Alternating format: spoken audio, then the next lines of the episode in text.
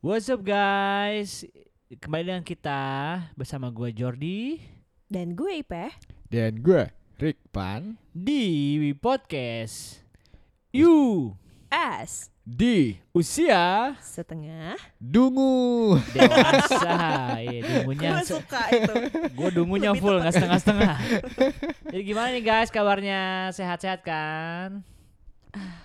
Mantap. Alhamdulillah ah, Mantap Tarik semongko. Tarik sisi. Itu sumpah gue tuh denger, denger lagu kayak gituan sering banget. Eh, Tahu gak sih Kadang jingle-jingle kayak gitu ya Di TikTok tuh Dari TikTok kan Heeh.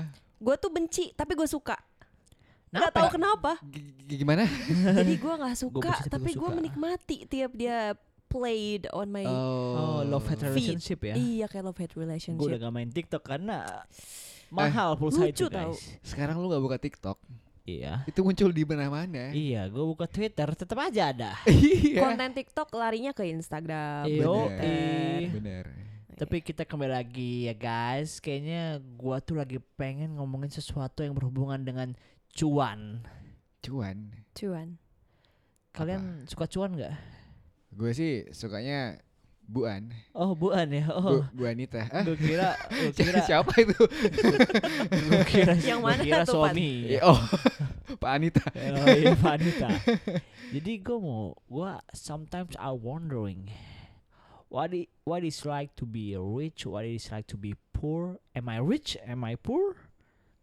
Or am I just dumb? Oh, am I just dumb? We are. We are, we are dumb, we are dumb. Dumb. Jadi gini deh, gue mau nanya sama kalian. Ini apa? sederhana aja sih pertanyaan gue, tapi Ah. nggak gue bisa bilang sederhana aja. Kenapa sih ada orang kaya? Kenapa sih ada orang miskin? Apa indikator yang membuat mereka kaya atau miskin? Dimulai dari lupan. Kata lo gimana? Apa apa indikator yang bikin orang miskin? Iya, nggak kaya dan miskin deh. Kena kenapa? Maksudnya Kenapa ada orang kaya? Kenapa ada orang miskin? Oh, oke. Ini berarti bicara mengenai bagaimana seseorang itu mengelola apa yang dia dapatkan. Hmm. Jadi kalau menurut gue nih ya, Mm-mm. menurut gue nih kita nggak bisa memungkiri bahwa kita dilahirkan itu dengan privilege yang berbeda-beda. Aha. Mhm. Ada orang yang udah terlahir nggak perlu mikirin pengen makan apa, nggak perlu mikirin pengen beli baju apa, Tuh. bahkan dari dia usia mungkin baru lahir, dia udah di prospek bakal jadi pimpinan apa. Oh, UBL. silver Bener spoon ya. Bener gak sih? Betul, betul. ada betul. beberapa orang kayak gitu. Banyak. Tapi Oh, dikit. ada juga orang yang dari lahir dia bahkan belum tahu bisa nggak dia survive besok. Oh. Keren Baru Tuh. usianya nol langsung itu, itu anak hewan atau gimana, mikir. Tuh besok gua dia, mimik apa dia lahir udah langsung mikir ya. Maksudnya Aduh. maksudnya kondisi realnya dia tuh belum eh, dia tuh belum disiapin sama orang tuanya. Maksudnya orang tuanya belum bisa mastiin dia bakal jadi apa karena bahkan orang tuanya sendiri pun buat survive masih struggle banget. Hmm. Itu itu privilege yang berbeda-beda. Jadi kenapa mereka punya anak kalau kayak gitu? Nah, Hmm. banyak orang yang banyak orang yang berpikir ini mo- mohon maaf ya, gue mengkritik sedikit prinsip orang timur yang istilah eh, Oh. banyak anak banyak rezeki ya. Oh ya, the society ini. The society. I mean eh, banyak anak banyak rezeki. Kalau lu nyiapin memang rezeki itu untuk anak itu. iya, betul. Bahkan gua. buat buat ngadain anaknya aja, lu mesti siapin. Emang lu kira bersalin gratis semua? kagak ada udah gak ada dukun coy. Oh iya. iya. Terus setelah dia lahir apa susunya nggak nggak perlu gitu? Apa dia Iya. cukup dari ASI? Oke bisa. Ketika ada masalah sama ibunya, Betul. ketika anak itu anak kecil kan rentan banget ya. Maksud Betul. gua gue minum cola, makan durian. Pas bayi Maksudnya sekarang gue minum cola pas bayi. lu otak lu isinya apa? Lu bayi masih kecil minum cola ya. Gue gue minum cola, makan durian sekarang tuh paling bentar apa sih? Diare kan. Yare. Anak kecil diare bisa meninggal. Iya. Iya parah sih Betul. Jadi lu mesti siapin anak itu gimana. Mitigasi. ya. Mesti mitigasi. Nah, tapi case-nya sekarang ada orang dengan start yang sama. Mungkin Hmm. sama-sama struggle di awal. Iya. Tapi kenapa ada yang akhirnya bisa eh, meroket, ada yang malah roketnya nggak terbang-terbang. Di mana di situ ya? Di mana di situ? Ngendok aja gitu. Menurut Pikir hayat. gua itu semua berakar di mindset. Mindset. Ini kan gue salah satu penyembah Robert Kiyosaki ya. Oh, gila. Which Itu Nabi- yang nabi Rich. Dad Poor Dad Rich Dad Poor Iya, Dad. nabi Oke. gitu. Nabi gitu. Jadi dia dia bilang gini, Lu bisa ngasih 100 juta ke lima orang Mm-mm. dan hasilnya bakal beda. Satu orang bakal kembali mungkin dengan 200 juta. Satu orang bakal kembali dengan 0 juta. Nol. Satu orang bakal kembali dengan minus bahkan berhutang. Wow. Tapi, tapi mungkin ada satu orang yang bakal kembali dengan satu miliar. Itu depend on the people ya. Depends on the people. Jadi menurut si dia semakin banyak uang itu bukanlah sol- solusi bagi orang miskin. Betul, setuju gua. Even you ngasih dia satu juta tiap hari kalau dia nggak tahu how to manage itu nggak bakal jadi apa-apa. Setuju tuh. Setuju. Itu kalau dari Oh. gua. That's why ada rich people ada poor people. People, people. Kalau lu peh kata lu gimana nih konsep ini nih? Kesenjangan sosial nggak sih ini? Sejujurnya menurut gue topik ini berat dan gue belum pernah baca literatur terkait ataupun buku karangan siapa pun itu yang terkait dengan eh, contohnya Rich Dad Poor Dad. Oh, financial liter- That that literation. topic. Ah, Heeh. Mm-mm. Gue juga tidak mendalami konsep kapitalism. Mm-mm. Jadi gue rasa gue sebenarnya nggak mumpuni untuk berpendapat tentang ini sih.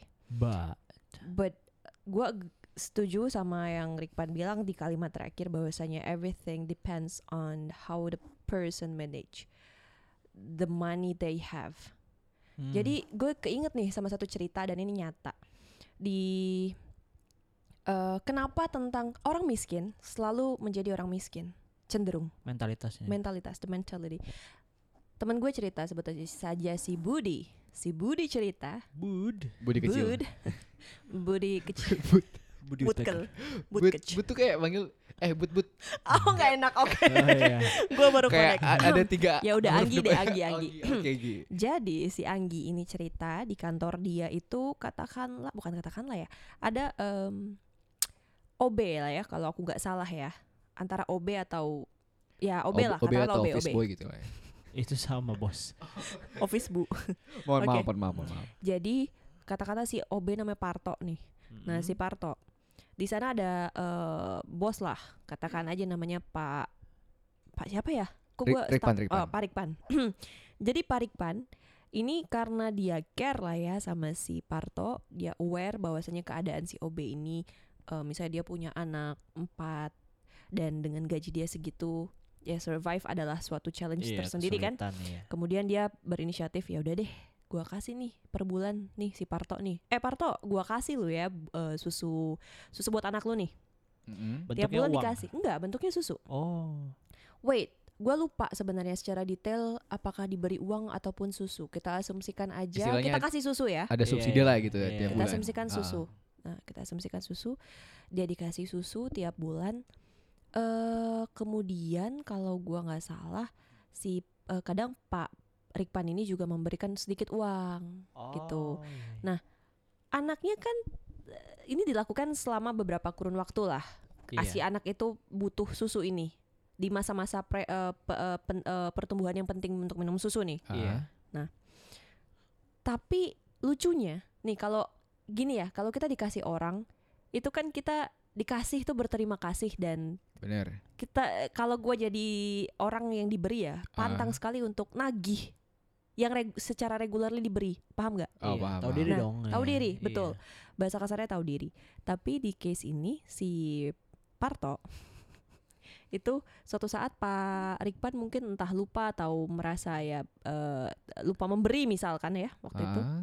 ditagih Wow. Pak susunya mana Pak lah padahal itu bukan kewajiban Pak Ah, Rikpan untuk selalu memberi tidak pernah ada statement gua akan memberikan lo secara regularly no dia cuma ngasih aja kebetulan setiap bulan cuman eh, ya itu tadi dia dia sampai nagih artinya di situ orang di sini kita asumsikan ngasih Parto poor, peop- poor people ya Poor people. poor Iya. people cenderung selalu tangannya men, me- Menengadah ke atas. menga- mengadah ke atas Mm-mm. itu jadi habit alih-alih kalau menurut gua a smart person dengan mental dan pikiran yang kuat dia nggak mau dia nggak nggak stay di tangan menengadah Iya betul. gimana caranya dia membuat di tangan mengisi tangan Men- yang menengadah menelungkup jadi Menelungkup. Iya, iya. Iya. Bahasa Indonesia banget ya. iya bahasa Indonesia banget gitu jadi eh tidak ada tidak mau ini loh panjor nggak mau apa ya nggak mau naik level lah Ah, ah, bahasanya Oh, tuh gitu dari diri sendiri untuk Iya, jadi cenderung poor-poor people stay di keadaan seperti itu karena mereka udah sekali dikasih kenikmatan yang kayak gitu secara Iya. cuma-cuma, Mhm. menikmati dan take it for granted. Oh itu sih kata-kata Gitu. yang penting. Dan itu sejalan banget sama prinsip yang pernah gue baca. Hmm. Maksudnya gini, kalau misalkan lu alokasiin misalkan nih susu buat anak lu tujuh ratus ribu per bulan. Hmm. Anggaplah lu pendapatan pendapatan lu mungkin 3 juta.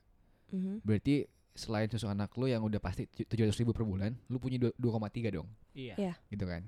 Tapi dengan bapak ini ngasih eh, susu per bulan, Mhm. bahkan ngasih tambahan, harusnya lu punya tujuh ratus ribu yang nganggur dong. Iya. Iya. Harusnya kalau mentalitas orang yang pinter, yang 700 ini harusnya dia kalau nggak dia tabung, Invest. dia invest, dia puter supaya Betul. nanti ketika kenikmatan yang didapat sekarang ini udah berhenti, Hmm? dia udah, bisa buat nanggulangin sendiri. Betul. Nah, betul, betul. banget. Masalahnya adalah mentalitas ketika lu dapat lebih banyak, lu punya 700 nganggur, lu malah mikirin gimana ngabisin 700 iya, ini. malah spending mikirnya. Ah, ah. Spending ke ini ya, kebutuhan tersier cenderung. Hmm. Ben- bener banget.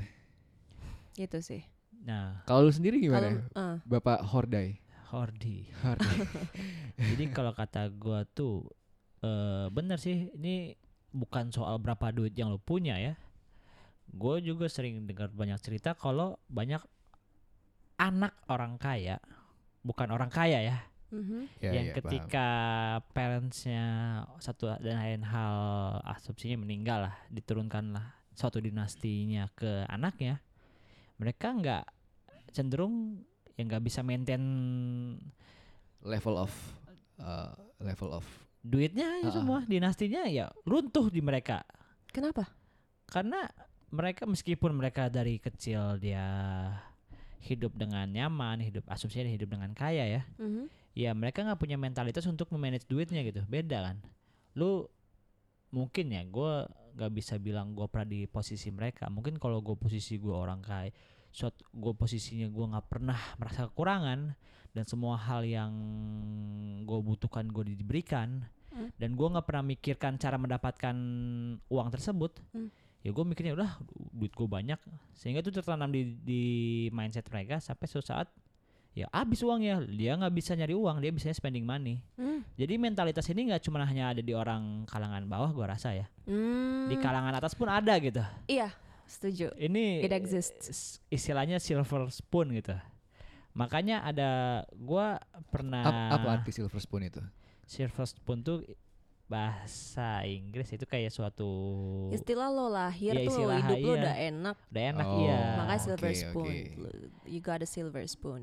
jadi gu- gua ras ada gua rasa ada beberapa parent terutama di gue sering baca cerita dengar dengar cerita ada orang-orang yang dia kaya biar anaknya nggak kayak gitu dia paksa anaknya ngerti nggak contohnya dia anaknya udah kita bilang quote unquote udah spoiled brat gitu ya Mhm. itu sama orang tuanya udahlah dia di dibuang Hmm. ke luar negeri alias kuliah di sono Hmm. biar dia hidup lu sendiri di sono nih dikasih uangnya seadanya Hmm. biar dia mikir nih lu hidup sendiri tuh kayak gini lu nggak bisa nggak bisa dia eh, jadi ada responsible untuk iya responsible untuk diri lu sendiri lu nggak bisa dimanjain sama kita lu mesti bisa sendiri Iya, Benar, iya. mungkin benar. itu cara orang menanggulanginya ya Mhm. kayak gitu Itu ngaruh banget sih itu hidup sendiri. nah by the way Betul. kalian itu punya apakah kalian punya mindset apakah kita harus kaya Atau enggak gitu? iya uh, we uh, we should be rich or not Menurut lo Jor? menurut gue pribadi Mhm. Mm-mm. gua BU Jadi gua rasa butuh gitu jadi lu bahkan pada level yang ya gue emang harus kaya gitu. gua harus kaya maksud gua gini Banyak ya, uang, banyak uang BU. BU Lu lagi iya. BU, banyak BU-nya uang. banyak banget. butuh sekarang Oke. gue jadi butuh menuju banyak gitu Amin. Amin amin amin. menurut gua gimana ya ada orang yang bilang gini nih eh uang tuh nggak bisa beli segalanya gitu Ah, ah. Iya. Yes. Apalagi nggak ada uang gitu Iya sih. ya kan Orang Tapi bilang gua kena gigi. you, you cannot buy time gitu. Lu, lu gak bisa beli waktu. iya Tapi kalau lu rental PS, Iya, rental PS tuh Lu bisa duit. nambah. Iya, lu bisa nambah. nambah oke. waktu jadi dua jam. gua rasa ada privilege yang diberikan oleh uang yang bisa kita dapatkan gitu. Setuju. Beda lu nangis di pinggir jalan sama di Lamborghini itu beda rasanya sih. Sama-sama nangis. Tapi kalau di Lamborghini Secure ya. Iya, di Ya, dalam ah. Lamborghini orang mesti ngeliatin lu anjir keren dia. nangisnya. seenggaknya nggak mungkin ditilang pol pp lah ya. Iya. itu. iya. Oh, PW udah langsung. Kalau di pinggir mundur. jalan, Di lu nggak pakai masker, Gak pakai masker. Ketilang. Heeh. Kalau Lamborghini enggak. Enggak, skip. Zipper orangnya juga. Aduh, iya. kenal gue tilang. Bagus cakep juga mobil. Intinya menurut gue kalau are we should be rich, eh, kalau menurut gue gue harus. Karena kaya tuh gua rasa bukan buat diri gue sendiri loh kadang-kadang. Gua rasa dengan gua bisa menjadi kaya, kaya tuh kasar gak sih? Kayak sih. enggak menurut Iya. gue. Eh, eh, Tapi sering sering konotasi negatif sih. konotasi negatif ya ya asumnya gitu lah kalau gue kaya gue bisa menjadi suatu menjadi bisa ngebantu teman-teman sekitar gue atau keluarga gue malah Mm-mm. ya kan karena eh kita kan makhluk sosial ya kita harus saling membantu Mhm. lu kalau dengan kondisi lu yang kurang ngebantu orangnya susah karena ngebantu diri lu sendiri aja susah Bener. struggling kan Benar, benar. Betul. gitu sih menurut gue I think I should be rich what Oke. about you peh Menurut gue.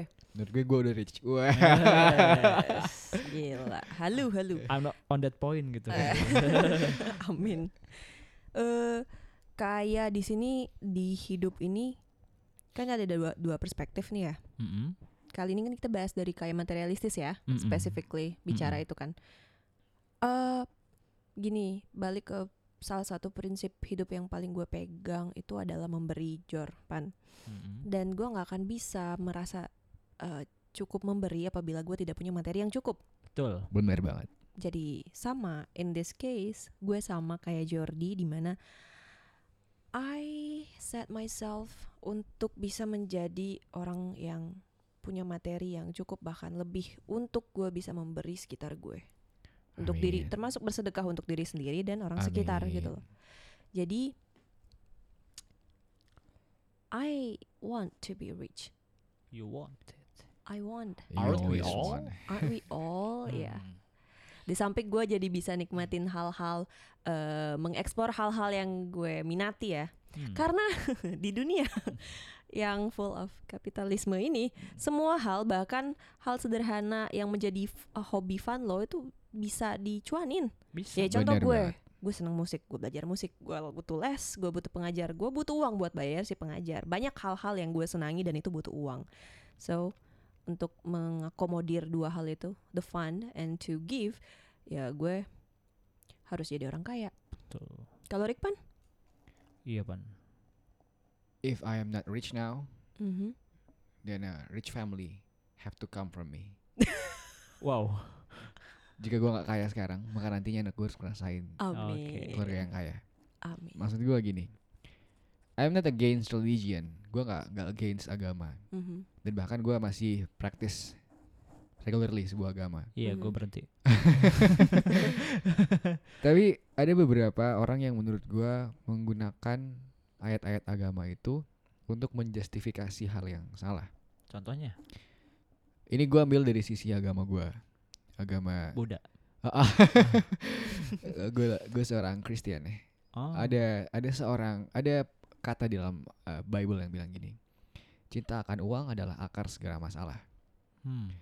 Itu sering di, dijustifikasi buat orang-orang yang nggak pengen berusaha terus dia bilang, "Ya kita nggak pengen kaya lah. Kalau kita kaya ntar kita jadi orang jahat. Hmm. Kita jadi orang yang gimana?"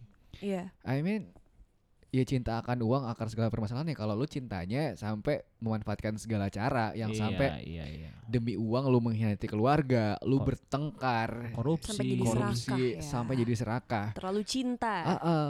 bahkan ini juga dikomentari sama Robert Kiyosaki.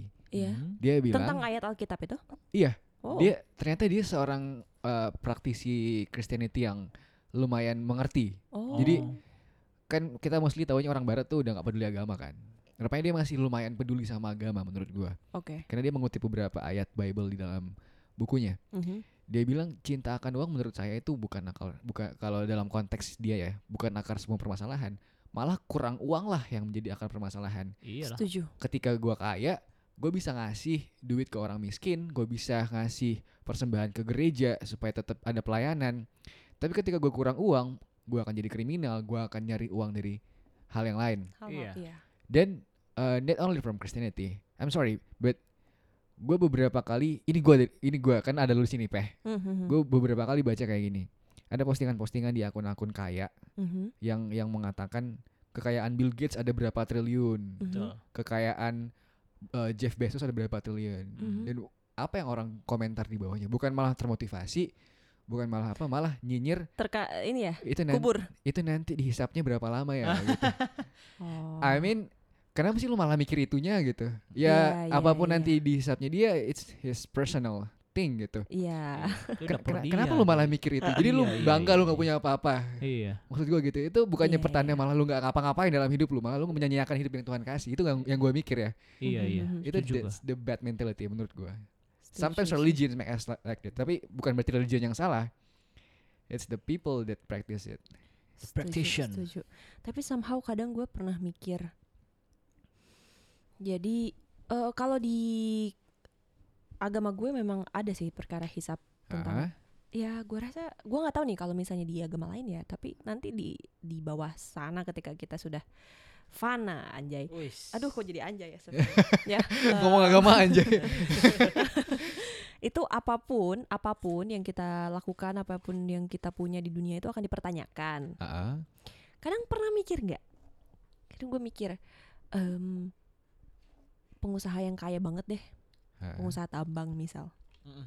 mau pengadaan lahan dan itu eh, lahan orang-orang yang miskin misal Iya. Mm-mm. dibabat disikat ada hak yang belum dipenuhi dan bla and bla and bla kan nggak tutup mata nih kita ada kan praktik yang seperti itu Ada. banyak kan Ada banget. ada banget Setelah kan? dewasa itu udah paham pasti ada. kadang gue mikir waduh ya uh, meanwhile it's the only way I can do to expand my thing gitu di bisnis Ah.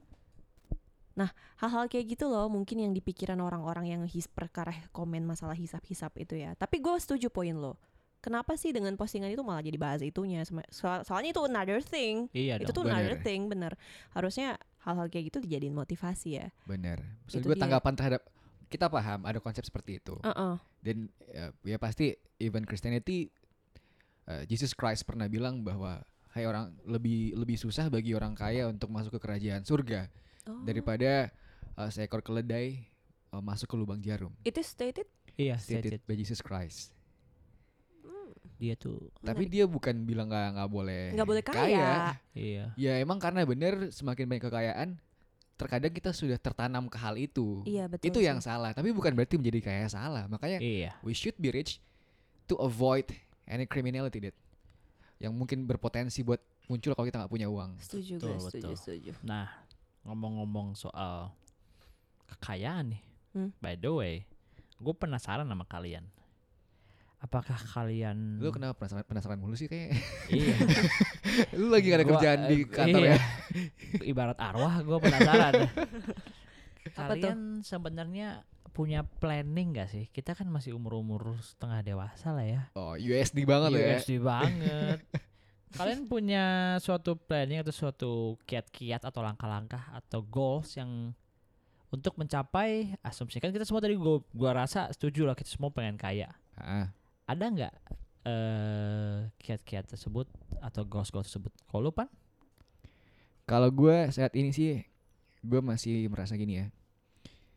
Yang pertama gue cerita gue cerita gue cerita bahwa di umur ini kita udah gue udah sering banget mengalami yang namanya insecurity. Iya, kita. Iya, kena, kenapa? Karena ketika lu masih belasan atau mungkin lu masih bocah umur 7 sampai 9 tahun, Hmm. lu harapan hidup lu tuh masih kayak gini. Nanti kalau gua besar, kayak saat lu ngeliat orang-orang sukses di TV, Hmm. nanti ketika gua besar, Gue pengen kayak mereka. gua bakal kayak mereka. Oh iya. Gua ngeliat Roberto Carlos, gua bakal jadi back kiri yang paling jago di dunia. Oh iya. Gua ngeliat tahun itu siapa ya? Pokoknya orang-orang keren lah. Ah, Hmm. nanti gua bisa gua akan bertumbuh terus gua bakal jadi mereka. Tapi sekarang gua di usia itu. And now here I am gitu. Iya, gue masih kayak gini.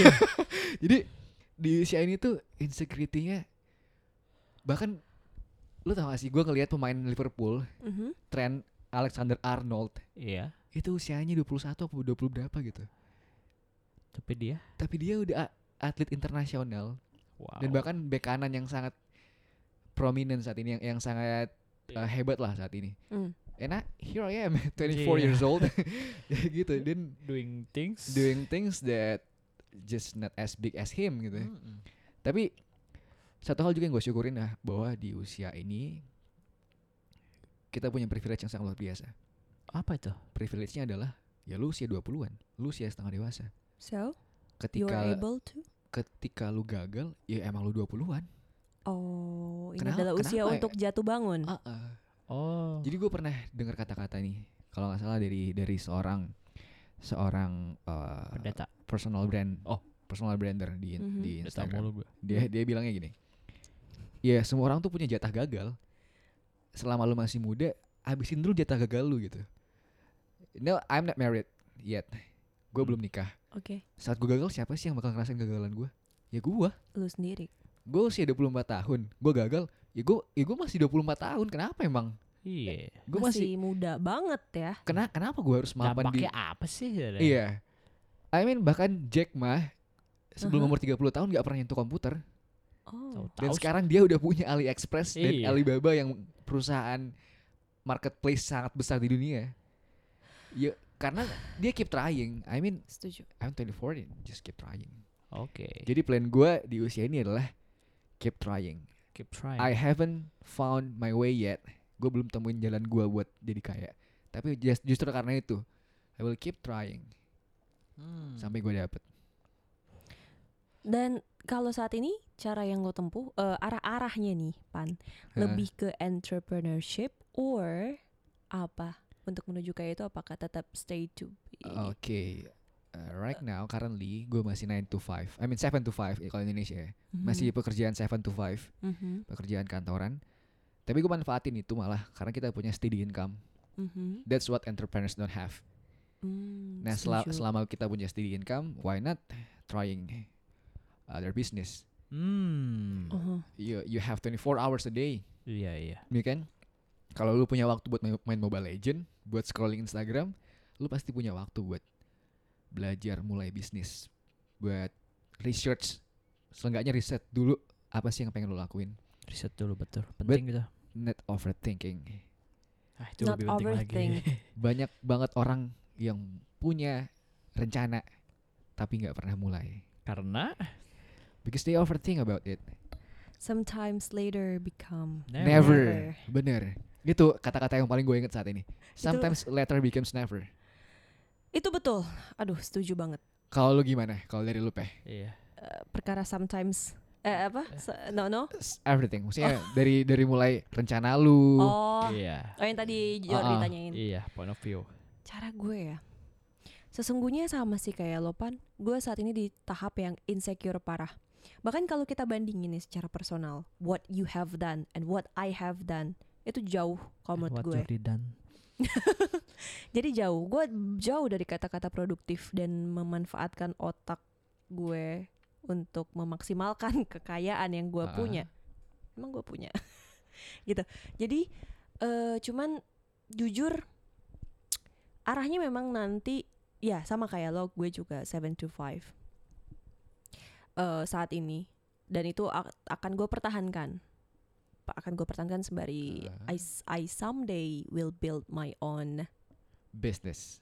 Dinasti. business or apalah itu ya wujudnya nanti saat ini gue belum Ah. kepikiran saat ini gue belum kepikiran ada sih arah-arah gross dalam otak gue tuh ada gue pengen kayak gini nih nanti tapi ya saat ini gue masih di tahap eh eh, apa ya mengumpulkan pundi-pundi Oke. Oke, Nah, I see, I tapi see. sebelum gue gue paham betul bahwa saya create bisnis itu trial and error itu nggak cuma butuh uang tapi butuh mental yang kuat juga Itu lebih penting iya. ya kan nah sembari gua rasa ya gua rasa nih eh, plan paling nyata saat ini yang bisa gua lakukan adalah sebelum gua terjun mulai bisnis itu gue do the saving first and I probably will do investing first Investing.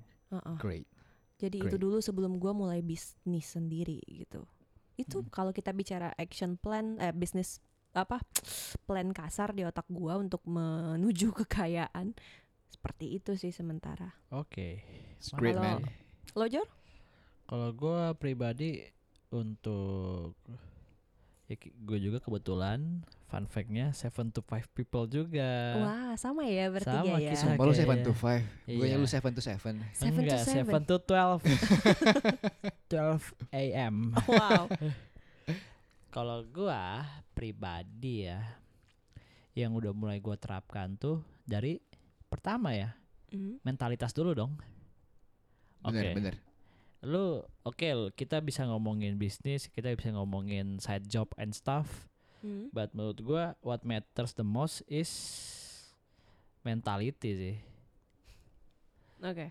Jadi maksud gua tuh eh gue pengen lagi ngelatih diri gua untuk mencoba jujur aja dua tahun ke belakangan selama gua kerja gua mentalitas dalam pengelolaan keuangan gua tuh masih jelek lah jujur gue bilang Mhm. Hmm. gue belum terlalu memikirkan investasi gue terlalu belum memikirkan hal lain gue hanya untuk senang-senang lah alah gue masih umur segini Hmm. gue pengen senang-senang gue baru dapat uang kan Mhm. Nah itu hal-hal yang udah mau gua rubah sekarang. Gue udah mulai mikir, gue mulai spending less and invest more dan kebetulan gue juga udah uh, going to the next step doain ya. Amin, amin. Amin. And luckily, And like- luckily you still 23. iya, untungnya gue masih 23 Kalaupun ya ada satu dan lain hal ya udahlah ya. Masih gitu. dua tiga Ah, ini. Masih 23 ini. Jadi gua rasa yang paling penting menurut gua gua mesti rubah mentalitas dulu sih. Karena eh gua rasa kayak ibarat kita kalau kaya tuh ngebangun sebuah rumah, fondasi itu menurut gua mentalitasnya itu sendiri. Setuju parah. Gimana? Lu percuma lu dapat uang banyak atau lu suatu, kerja di suatu tempat kerja yang menghasilkan cuan yang banyak. Hmm. Kalau misalnya mentalitas lu how you spend the money itu nggak bijak gitu Mhm. sehingga gua rasa menurut gua yang paling penting sekarang gua lagi nge-adjust gaya hidup gua sehingga gua bisa lebih bijak dalam spending and uh, managing my own Money. money Hmm, gitu sih set dari how gua you set the priority. iya sih? itu terutama itu tuh itu sih paling banget. susah the, the, the- apa eh, kebutuhan utama dan kebutuhan gimana nge-spare buat iya saving sama spending for fun dan ego juga ego betul betul karena we are egoistic people. Jadi eh kayaknya ini kita udah capek banget ya ngomonginnya ya. Ngomongin Berat cuan ya. banget sih. Berat ya. Berat banget gila. Ini Iya. soalnya hi- ngomongin hidup kita secara keseluruhan tapi sih? semangat ya ngomongin itu Hmm, sebenarnya. Soalnya ini kayak goals kita gak sih? Goals kita. Iya, Apalagi kalau betul. udah tercapai nih. Wah, Amin. nice. Amin, amin. Jadi mungkin dari Rikpan mau ada closing statement apa pan? closing statement dari gua keep trying, see you on the top. Oh. dari Peh? Gue ada dadah Rikpan dari atasnya lagi another top nah nah Eh, nabung guys penting nabung saving Oke. a Oh. message from me to me sih Oh. Penting itu ya, Bang. Self reminding. Kalau Iya, Jordi, Self Kalau gua eh uang itu bukan dewa, tapi dengan uang lu bisa jadi dewa gitu. oke ya udah sekian dari Hmm, oke. Jordi. sekian dari, Dari- IP sekian dari Rich Fun. wah. Rich fun, lucu wow. banget bisa eh bisa namanya And bisa See you in the next time, guys. Bye. Bye.